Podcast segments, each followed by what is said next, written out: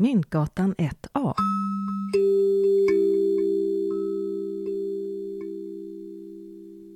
Gumelius annonsbyrå. Här på Myntgatan 1 i Gamla stan finns det mycket historia, inte minst företagshistoria. Själva gatan har fått sitt namn efter det kungliga myntverket som låg på gatan fram till 1850. Här öppnades även Sveriges allra första specialaffär för pappersvaror, Svanström och Company. Men det som gör adressen extra intressant är att här föddes den svenska reklambranschen. Hit flyttade nämligen Sofia Gumelius, en 36-årig kvinna från Örebro som kom till Stockholm sommaren 1877 för att pröva lyckan och starta eget med endast drygt 100 kronor på fickan. Huset ägdes under denna tid av mamsellerna Fredlund och Lindberg. Mamsellerna Fredlund och Lindberg var också från Örebro. De kände Sofia sedan tidigare och de hyrde ut rum. En perfekt kombination. Den annonsbyrå som länge varit dominerande i huvudstaden hade just lagts ner. Sofias äldsta bror som var chefredaktör för Nerikes Allehanda tyckte att det fanns en lucka i marknaden som hon nu kunde fylla och bli en entreprenör. Sofia var ambitiös och hade en smart affärsidé. Hon skulle ta emot annonser från allmänheten, förmedla dessa till alla de tidningar som kunden ville nå och ta betalt enligt en tydlig taxa.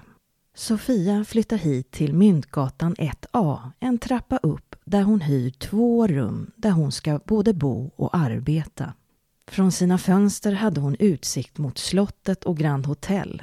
Och rummen var enkelt möblerade med säng, stol och ett hörnskåp med de få ägodelarna som Sofia tog med sig vid flytten till Stockholm. Kläder och skor, några tallrikar, bestick och kaffekoppar. Läget här var det bästa tänkbara. Nära alla tidningsredaktionerna som skulle bli hennes uppdragsgivare. Dagens Nyheters och Aftonbladets kontor låg då i samma hus och flera andra tidningars kontor i närheten. Dessutom låg järnvägsstationen och centralposten och hästspårvagnen i närheten. Och det var lätt för kunderna att hitta till hennes verksamhet. Annonsbyrån hölls öppet varje dag förutom på söndagar. Den allra första kunden var Hällefors bruk som ville annonsera om sin tillverkning av maskiner. Under första året har annonsbyrån förmedlat mer än 3000 annonser. Verksamheten gick över förväntan och Sofia behövde anställa för att mäkta med arbetsbördan. På hösten 1878 flyttade verksamheten från Myntgatan. De två rummen räckte inte till eftersom annonsbyrån fick allt mer att göra. Flytten blev bara några kvarter bort till Storkyrkobrinken. Sofias affärsidé leder så småningom till att Gumelius annonsbyrå blir ett av Sveriges största reklambyråer.